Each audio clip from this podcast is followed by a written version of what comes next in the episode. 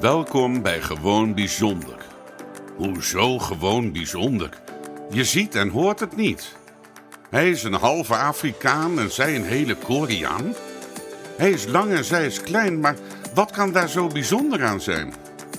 Ze hebben iets met elkaar gemeen en dat zie je niet meteen. Dit is de podcast van Niels Lam en Sorien Zeldenrust.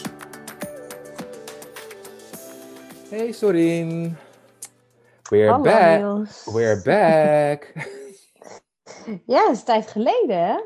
ja, ik zat vanmorgen nog te kijken hoe lang geleden, maar ik, ik ben het even kwijt. Weet jij het uit je hoofd? Ja, 4 december. 4 december. Dat is gewoon echt twee maanden.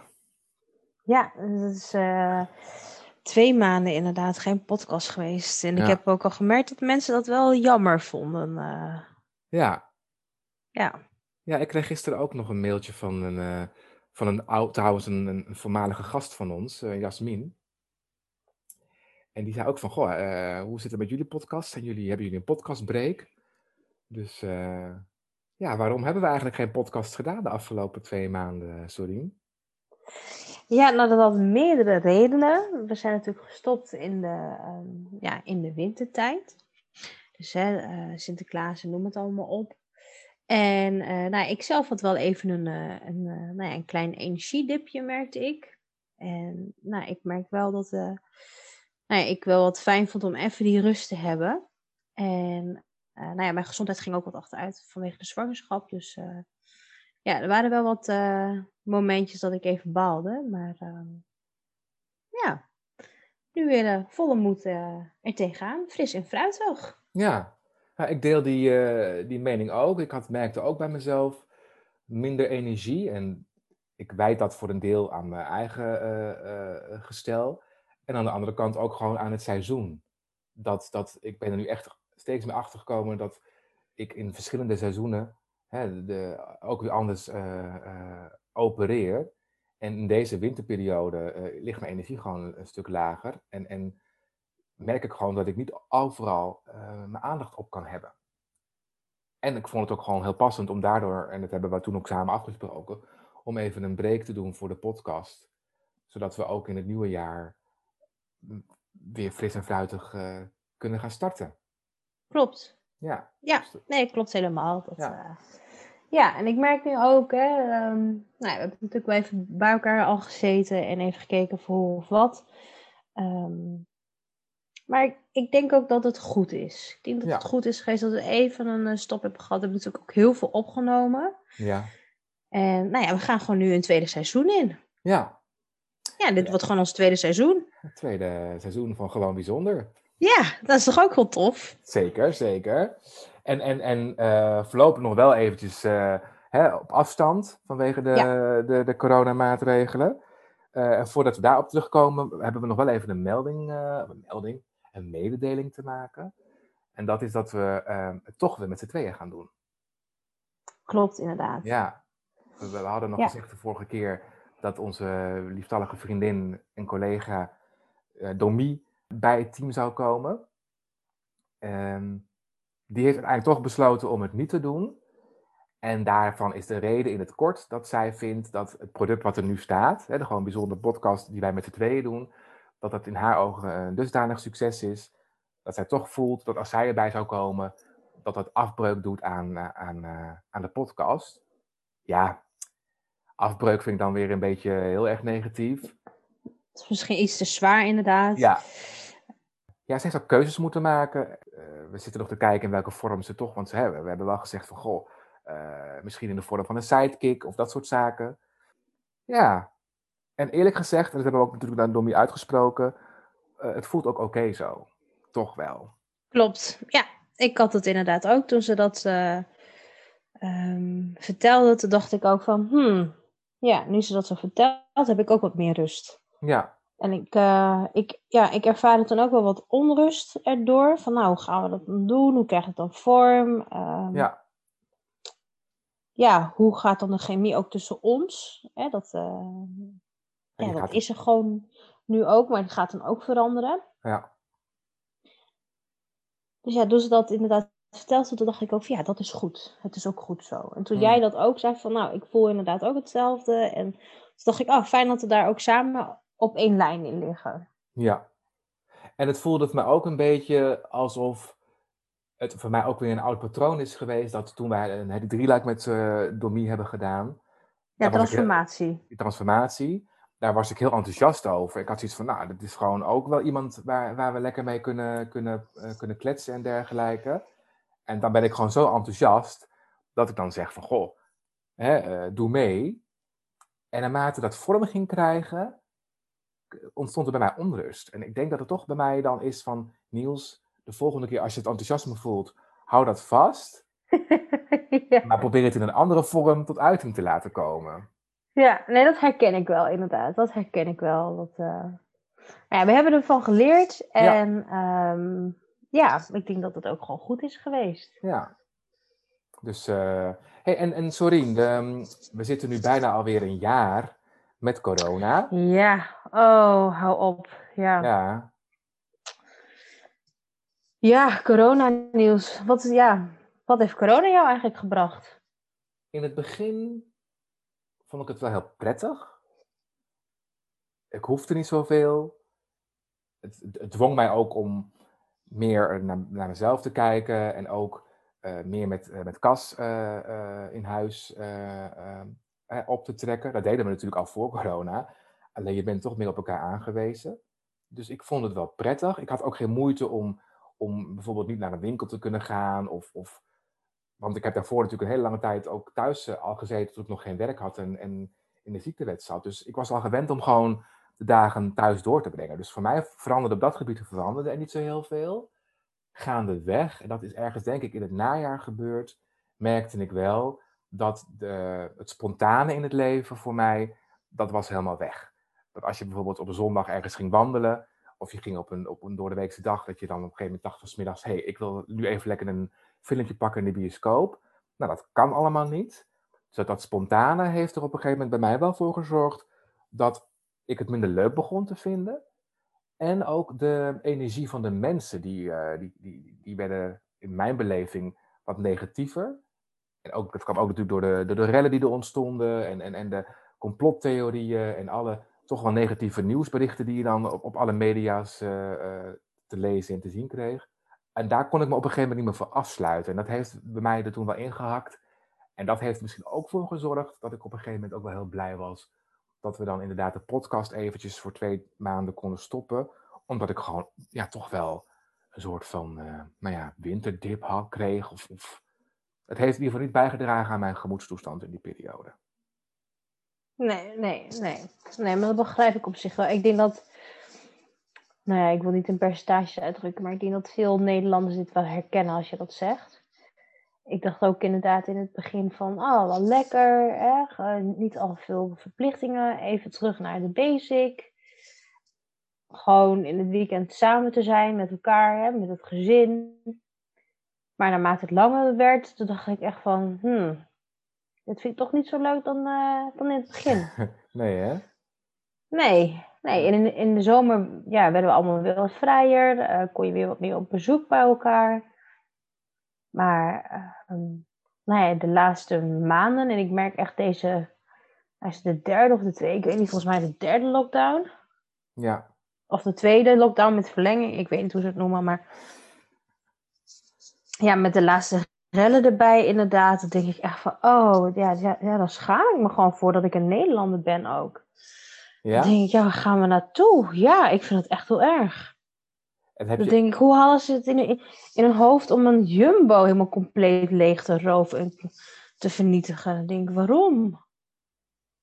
Nou, dat heb ik ook. Hè. Dat, dat, dat komt zelf in mij bijvoorbeeld niet op om dan te gaan plunderen.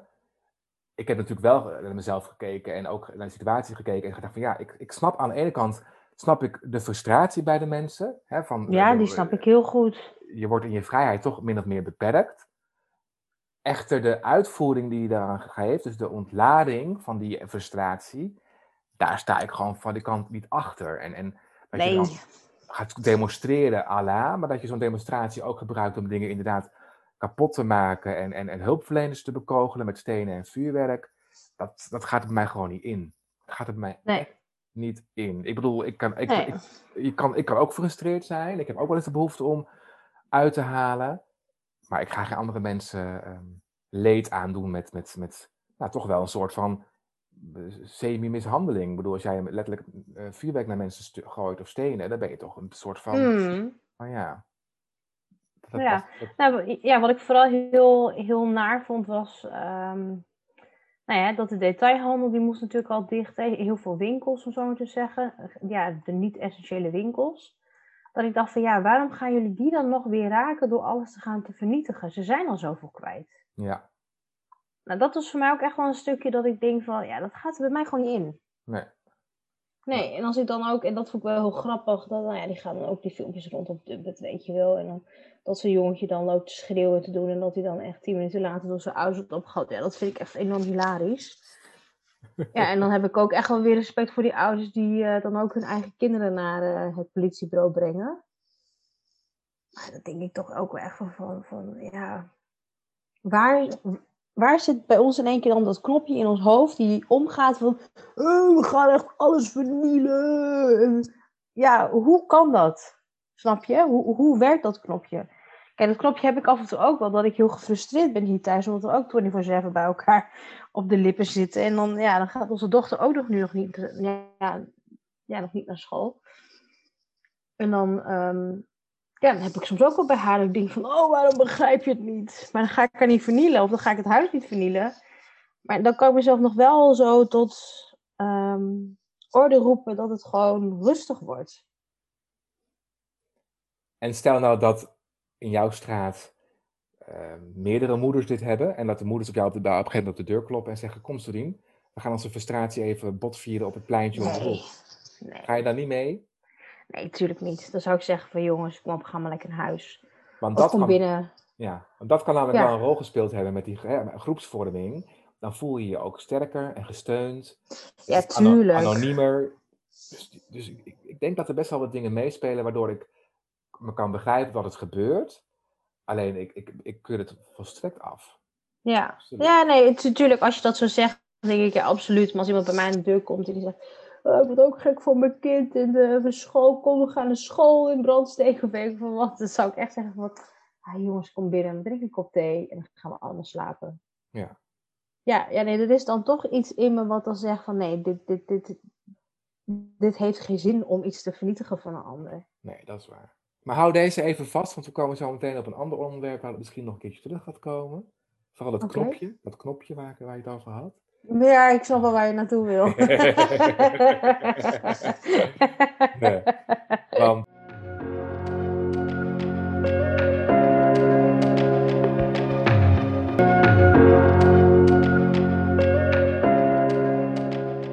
ja, deze aflevering eh, heet Hoe gaat het nu met? En Mhm. ehm, eh, hè, er zijn natuurlijk de afgelopen twee maanden het een en ander in ons persoonlijke leven gebeurd. Ja, Ehm, maar wat er ook eh, gebeurd is, dat is vrij recentelijk, dat is natuurlijk Ja. het rapport van commissie Joustra. klopt. Daar Klopt, ontkomen wij ja. niet aan om daar het even over te hebben natuurlijk. Nee, nee, nee, nee, nee, nee. En dan kom ik, Nee, ja, dan kom ik bij het knopje uit. Ja, nou, dat knopje stond, eh, stond van de week wel even eh, op rood gloeiend bij mij. Toen eh, was ik ook wel geneigd om even iemand een tik te geven, maar ik heb me ingehouden. Hm. De knuffels van mijn dochter hebben... Nee hoor. Die hebben De geholpen. knuffels zijn nu rood. Ja. Ja. Nee, ik bedoelde meer gewoon de knuffels zoals de Barbie en de beer. Dat soort dingen. Oh, daar ja. even op... eh, Je bent alle Barbies de haren uit gaan trekken. ja, echt één voor één. Echt monnikenwerk. Heb ik trouwens, Maar, heb ehm, ik trouwens vroeger gedaan, hè? Bij mijn, eh, bij mijn oudere Oh, zus. echt? Ja, mijn oudere zus Oh. die had, had eh, dat, heet, die, dat heette geen Barbie, dat heette Cindy. Dat was een soort tegenhanger Oh ja, van de Barbie. Cindy. Ja, ja, klopt. En eh, we, hadden, we hadden iets gedaan en ik kreeg van mijn moeder de schuld en zij niet, terwijl zij de aanstichter was. En toen ben ik uit frustratie heb ik haar Cindy pop gepakt. En inderdaad, toen ben ik Oh. met een ton met een schaar heb ik die hele pop ka- kaal geknipt. Oh, wat erg nieuw. Lekker gevoel, joh. dat is echt erg. Ja, Nee, nee, dat, eh, nee, nee, nee. Dan weet ik dat ik een heel, eh, heel verdrietig meisje hier heb. ja. Maar ehm, Nee, nee, nee, maar ja, de, ja, de commissie. Ja.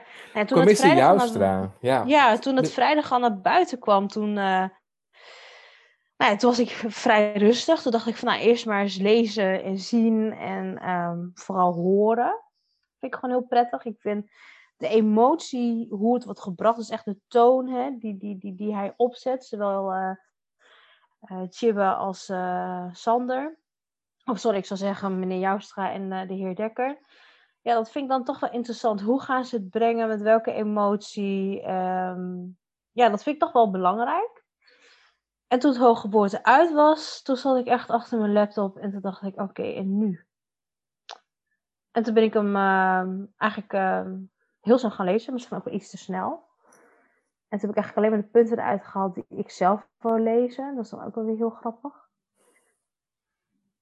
En naarmate ik, ik het las, dacht ik, hmm, ook nu heb ik weer het gevoel van eerst maar zien of die expertisecentrum gaat komen en eerst maar eens kijken wat eh, de nieuwe onafhankelijke commissie gaat zeggen van die expertisecentrum en hoe ze dat willen gaan doen. Ja, want even voor, ja, ik denk eh, voor onze luisteraars, eh, Ja, toch nog even kort. Waar gaat het over? Waar hebben we het over? Commissie Joustra, het rapport naar interlandelijke adoptie en dan vooral de misstanden in de interlandelijke adoptie. Ja. toch? nou in het kort. In 2018 heeft eh, minister Dekker aangegeven dat er een onafhankelijk onderzoek moet komen naar alle misstanden in adoptieland.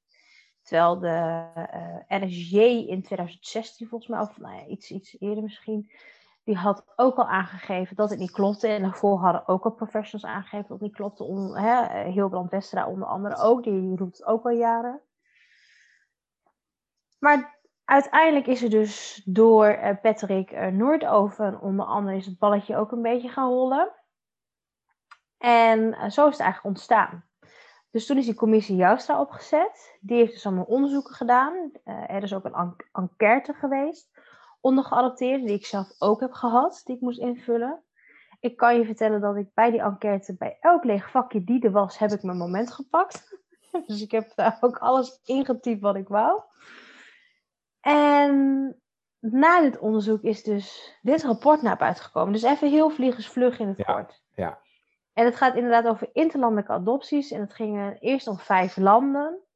Maar eh, meneer Joustra opende de eh, presentatie van het stuk met dat het geldt voor momenteel alle landen. Ja. ja, want ze hebben Dus een inderdaad, ze hebben vijf landen volgens mij genoemd ze op, waaronder Sri Lanka en India. Ja, Colombia, Colombia inderdaad, maar het gaat ook voor inderdaad, nou goed, reken maar uit. China, Korea. Daar wordt volgens mij eh, gemiddeld, of gemiddeld, ik denk dat de teller op 100 landen staat waaruit eh, kinderen naar Nederland zijn eh, getransporteerd en ter adoptie zijn aangeboden. Dus ik denk dat het voor al die landen wel zou kunnen gelden. En ehm, dat merkte je ook in de reacties trouwens, hè, dat aantal geadopteerden, of veel geadopteerden moet ik zeggen, die juist uit, uit landen kwamen die niet in het onderzoek echt werden benoemd, dat die dat wel ook weer reageerden van, hé, hey, en wij dan? Ehm, maar daar wordt, daar wordt ook naar gekeken, inderdaad. Dat, eh, Ja, dat ja, is, d- eh, Ja, Ja. maar die, ja, die worden dus nu ook meegenomen. Ja. En eh, dat, dat vind ik ook meer dan terecht, want mijn land stond ook niet tussen het onderzoek. Dus ik vond het ook heel bijzonder dat ik die enquête ook moest invullen. Toen dacht ik, ja, maar jullie doen onderzoek maar naar vijf landen. Dus ja, waarom moet ik hem invullen? Dat is eigenlijk heel krom. En wat ik ook heel bijzonder vond, is dat ehm, de heer Joustra, die bracht het, dat vond ik persoonlijk heel erg mooi, ehm, met de zin erin, ik weet hem niet exact meer, ehm, maar dat eigenlijk vroeger, toen adoptie op gang is gekomen, dat men toen dacht dat het een goede daad was, maar dat dat eigenlijk nu is achterhaald. Ja, ja en, ik, en, en ik hoorde je net ook zeggen hè, dat er natuurlijk al meer mensen zijn geweest in het verleden die dit hebben geroepen, waaronder inderdaad eh Klopt. Hilbrand Westra en, eh, en Paul, ik, zijn achternaam vergeet ik dus altijd, hè? Paul Noordhoven? Mhm. Patrick Noordhoven. Patrick, ja. Ja, excuus. Ehm, maar ik heb ook begrepen dat vroeger in de politiek, want dat is natuurlijk ook wat er nu speelt, hè, dat de politiek het nooit zou hebben geweten of hebben gezien, maar dat de voormalige minister, meneer Nijpels, eh, van de VVD in de jaren tachtig al heeft geroepen dat er iets niet klopt.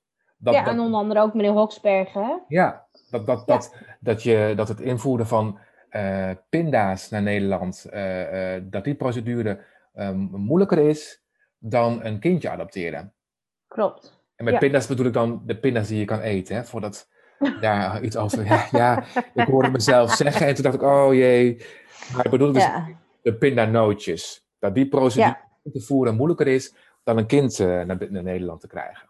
Dus toen speelde het, Ja. het speelde niet alleen toen, het speelde al veel eerder. Ehm, dus ja,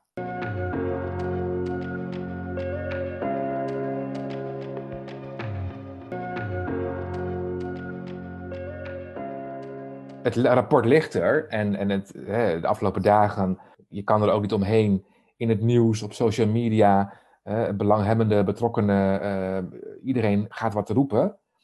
En eh, wat mij opviel, en dat heb jij volgens mij ook wel, dat er vooral de focus lag op eh, de ado- adoptieouders, de aspirant adoptieouders. Dat wij daar begrip voor moeten hebben. Dat er ook aspirant adoptieouders, wensouders nu zijn, die, het, eh, die nu weer in onzekerheid komen. En Mhm. dat er minder de nadruk werd gelegd op wat het nu doet met de geadopteerden. Nou moet ik zelf zeggen dat ik dat naar vandaag, met vandaag meegerekend, wel wat meer in balans vind, eh, vind, komen. Want er zijn wel meer geluiden vanuit eh, de geadopteerden die er nu komen. Echter zijn het wel weer de bekende mensen die wel vaker op de barricade staan. En ja, dat, dat persoonlijk merk ik bij mezelf dat het me wel iets doet. Ik ben nog niet helemaal uit wat het is. En nogmaals, alles is goed. Hè? Al, iedereen die, die zijn zegje wil doen, eh, prima. Ik hoop alleen wel dat we dat zometeen, of eigenlijk had ik het al verwacht, met elkaar gaan doen. Dus dat niet iedereen daar als individu iets uit wil halen, maar dat we het als, als, als groep in aan zich gaan doen. Ja. Hoe is dat voor jou? Ja, nou, om, om, om even terug te gaan hè, ehm, naar je eerste. Je zegt, ja, er werd veel over de aspirant adoptieouders gesproken. Ook over de adoptieouders, vind ik. Maar er werd ook al wel gesproken over de, over de misstand. Hè? Vervalsing, onder dwang, tegen betaling. Oh nee, ik bedoel, Ehm. sorry, excuus. Ik bedoel eigenlijk, dat, dat werd zeker genoemd in het rapport en in het onderzoek. Ik had het eigenlijk over de reacties die je dan ziet op bijvoorbeeld op Twitter of op eh, oh, zo bedoel je. Ja, Facebook. ja, ja. ja, Daar- ja, ja nee. Mensen gaan reageren. Oh, wat erg. En hoe zit het dan met die mensen die nu moeten wachten? Daar, daar ja. merkte ik op een gegeven moment dat de focus iets te veel lag op dat we meer begrip moeten tonen voor de aspirant adoptieouders. En wat Ja. minder begrip was voor de geadopteerden en die er echt last van hebben. Ook de afstandouders trouwens daarin. Ja, nee, klopt. Klopt, dat ben heel met je eens. Daar was, eh, nou ja, als je het dan net had over het, Het knopje. Het knopje, die, eh, ja, die ging bij mij even los. Dat ik dacht van, ehm, hoe kan het dat zij in zo'n zielige positie worden gezet, dat ze zo zielig zijn, omdat ze al misschien kinderloos zijn, of nou ja, misschien wel een kindje hebben gehad, maar misschien niet meer hebben, of noem het maar op. Eh, of misschien wel een kind willen, eh, ja, willen ondersteunen met goede bedoeling, want daar ga ik dan wel even vanuit. Maar hoe kan het dat zij daarin wel zoveel aandacht hebben? En als wij als geadopteerden onze mond open trekken dat adoptie eigenlijk niet zo leuk is voor ons. En dan praat ik even voor jou ook. dat is misschien zo netjes, maar met name voor mij. Denk ik, ja, waarom is het zo moeilijk om dat te accepteren? Of gewoon om, om te zeggen van, joh, hè, wat vervelend voor je. Ja, maar fijn dat je het nu wel naar buiten brengt. Dat het ook gewoon oké is. Het is net zo eigenlijk als iemand zegt van, ja, ik ben eigenlijk een alcoholist, maar ik ben er wel eigenlijk bovenop gekomen. En het Ja. is gewoon heel naar om daar te zitten als je verslaafd bent dan is. En dat is gewoon een hele nare weg. Maar ik moet er elke dag nog weer mee dealen. Misschien maak ik een hele domme vergelijking nu. Nee, ik weet wat je Corrigeer me als ik het fout heb, maar ik denk dat je wil zeggen, en dat zie je nu ook gebeuren in, in dat was volgens mij laatst eh, in Duitsland, dat er een heel veel, een groep acteurs die eh, uit de LHBTI-gemeenschap komen, dat ze zich nu gaan uiten en dat daar heel veel begrip voor is. En of dat er bijvoorbeeld een, een ex-profvoetballer met een verslaving heeft rondgelopen, die brengt een boek uit en dat wordt met vol lof eh, ontvangen en kijk, Nou, dat, moet, precies. dat bedoel je volgens mij toch? Ja, precies dat. Ja, Ja, ja, ja, Hè, want zoals laatst, ik weet niet meer waar dat was, misschien bij op 1 of bij Bo of weet ik veel wat, maar dan, daar zat ook een drugsverslaafde en dit was helemaal fantastisch. En ik prijs die mensen ook. Ik vind het super knap als je daarvan af kan blijven en dat je dan jezelf overeind houdt. Maar hij zei ook, ja, ik, ik moet er wel wat mee. Ik moet er iets mee om er niet weer, hè, uh, ja, weer terug te gaan, om zo maar te zeggen. Ja, ik vind dat met geadopteerden ook, het is dan geen verslaving, maar het is wel een pijn die wij moeten verwerken. En dat was volgens mij gisteren ook in de Volkskrant verschenen als een enorm mooi artikel. En dat zei ze ook van, uh, het is gewoon rouwen. Het is echt rouwen wat we aan het doen zijn.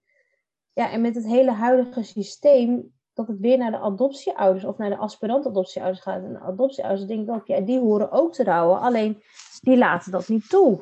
als iemand bijvoorbeeld geen kindje kan krijgen, wat echt heel schrijnend is, en helaas weet ik er alles van, en heb ik dan wel weer uh, ja, het geluk, om zo maar te zeggen, of ja, klinkt heel, heel fout hoor ik me nu uh, zo zeggen, maar ja, dat ik dan wel een kindje heb gekregen, ik heb daar ook gewoon echt wel even rot om gevoeld en bij stilgestaan. Ja. Dus zolang je dat zelf niet aangaat, die pijn, uh, en je gaat het vervangen door echt een kinderlichaam, ja, ben je dan eigenlijk echt wel eerlijk dan naar jezelf, denk ik dan ook. Ja, daar hebben we natuurlijk al een keer eerder in een andere podcastaflevering over gesproken, inderdaad. En, en dat, is denk ik, dat is denk ik ook wat er meest speelt bij de, bij de wensouders. En, en van daaruit snap ik dan wel hun verdriet, omdat zij nog niet, niet daar, daar zijn waar wij staan. Het is alleen jammer dat dat uh, in de media uh, heel positief wordt, wordt gepresenteerd. Maar het is niet denk ik positief, het is meer uh, trekken, sensatie. Ja, ja, dat bedoel ik, sorry. Ja, ja, oh, ze zijn zo zielig. En dan denk ik, ja, het, het gaat er echt niet om dat ze mij gaan zien als een zielige geadopteerde of dat ik word gezien als slachtoffer. Absoluut niet. Nee. Want er zijn meerdere partijen. Ja. Absoluut, er zijn meerdere partijen. Maar dan heb ik het toch echt over de geadopteerde en de ouders van de geadopteerde. Ja. En niet aspirant adoptieouders. Nee. En ik vind het ook lastig dat uh, verhalen naar buiten komen van... Wij hebben open adoptie. Het hele dossier is bekend. We hebben nog steeds contact, noem het maar op. Dan denk ik, ja, maar daar houdt het niet mee op. Daar houdt het niet op. Het gaat veel verder. Ja, ik, ik, ik weet ik heb ook van de week iets gelezen over open adoptie, dat het dan eerlijker zou zijn dan gesloten adoptie. En dat is het niet. Dat is niet het probleem waar het om draait. Juist. Bij een open adoptie kan je inderdaad heel leuk contact hebben met de ouders van oorsprong. Maar je, je ontkomt er niet aan dat het lichaam verplaatst is. En dat het lichaam uh, iets niet mee heeft gekregen van nature, wat de wensouders, die dan op dat moment de adoptieouders van het kind worden, van zo lang zal ze leven niet kunnen, en dan doe ik even tussen aanhalingstekens, repareren. Klopt. Ja, en daarmee zeg je het ook gelijk al goed. Zij kunnen het niet repareren, maar zij willen het wel. Maar daarin repareren ze tijdelijk hè, een, een, een klein, klein verbandje doen ze om hun eigen uh, pijn, om zo maar te zeggen. Ja. Uh, dus eigenlijk, waarom wil je je verlangen even zachtjes uh, sussen, om zo maar te zeggen, te verzachten. Want ja, ik voelde me ook een enorme mislukkeling toen ik niet zwanger kon raken. Ik, ik dacht van, nou, dit ligt allemaal aan mij. Ik eet niet genoeg, ik ben niet gezond. Noem het allemaal op. Dus je voelt je echt mislukt. Dus dan ga je kijken van, ja, waar kan ik dan wel hè, mijn geluk uithalen? Ja. Nou, en dat, dat, ja, dat merk ik nu ook weer. En ja, nogmaals, ik vind het echt heel sneu. En ik vind het ook echt heel, heel, heel pijnlijk om te zien als mensen geen kunnen krijgen als ze het heel graag willen.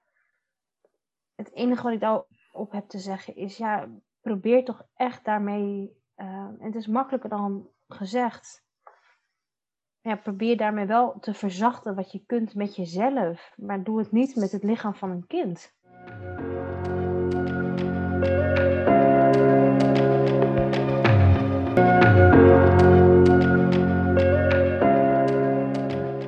Ik herken het wel, want Kas en ik hebben natuurlijk ook, uh, dat heb ik al eerder aangegeven, ook in die ja. adoptiemolen gezeten om een kind te adopteren. Dat het voor ons een van de weinige mogelijkheden is om een gezin te kunnen stichten.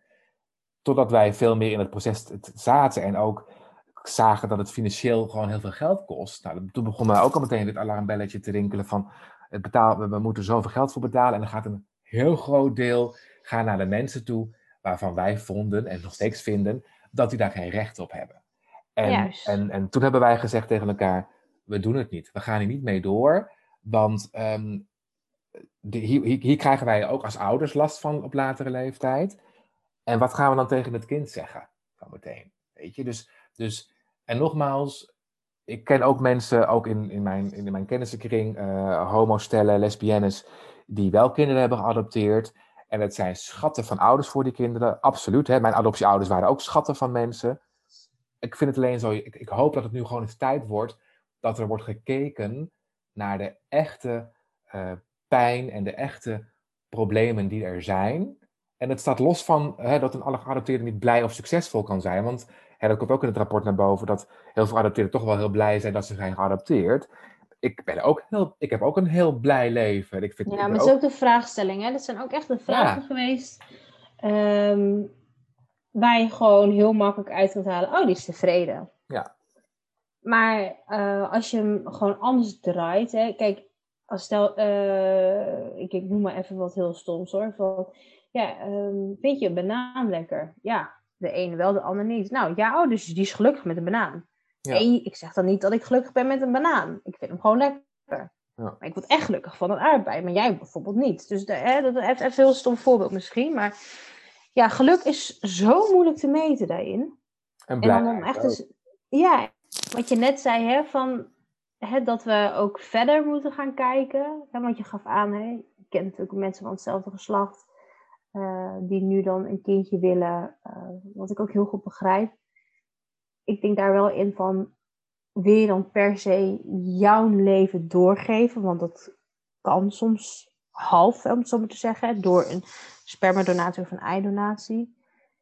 Maar ik denk meer van, ik wil graag doorgeven wat ik zelf heb geleerd en wat ik heb meegekregen. Maar dat doe ik ook bijvoorbeeld bij vrienden van ons, of doe ik ook bij de kinderen van vrienden van ons, of, of bij mijn neefjes en nichtjes dat ik iets mee wil geven aan hun, of bij vriendinnetjes.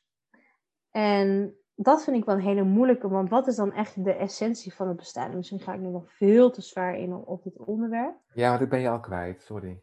Ja, dat dacht ik al. Nee, waar het om gaat is, wat is het proces? Waar kom je dan in voor? En voor de geadopteerden is dat voor mij heel belangrijk. Ik, mijn naam niet, mijn geboorte, wie zijn mijn ouders? Je mag een stukje er wel uitknippen, hoor. Nou nee, er was weer een storing opgetreden. Hadden weer een, er was weer een technisch Oh. mankementje, dus eh, dat, eh, daardoor kon ik hem niet volgen, excuus. Waarschijnlijk moet het ook zo zijn. Waarschijnlijk krijg jij niet de gelegenheid Heel goed. echt te zeggen wat je nu voelt. Om ervoor te zorgen dat de podcast na deze aflevering nog wel genoeg luisteraars hou- overhoudt. Ja. Nee, laten we daarmee afronden met de Juist. commissie dan. Ja, want Ja, het, het, het- het, het komt erop neer dat het de gemoederen. eh, er is beweging ontstaan. En eh, er zijn op dit moment verschillende emoties en gevoelens. Dat is het belangrijkste. En, en laten we vooral kijken hoe we dit verder gaan aanpakken met elkaar, laat ik zeggen. Met alle bel- hè, belangenden, alle. eh, be- eh, hoe zeg ik dat? Betrokkenen die er echt hè, mee te maken hebben. Ja. En ehm, hopelijk maakt dat dat we er over een tijdje anders naar kunnen kijken op een positieve manier. Heel mooi nieuws. Dit was de podcast van Gewoon Bijzonder. Niels en Sorien horen graag wat je van de podcast vindt. Wil je een review achterlaten of wil je iets delen? Je kan ze vinden op Instagram, Facebook en hun eigen website gewoonbijzonder.nl. En als je daar dan toch een kijkje neemt, volg, like en deel deze podcast. Dankjewel.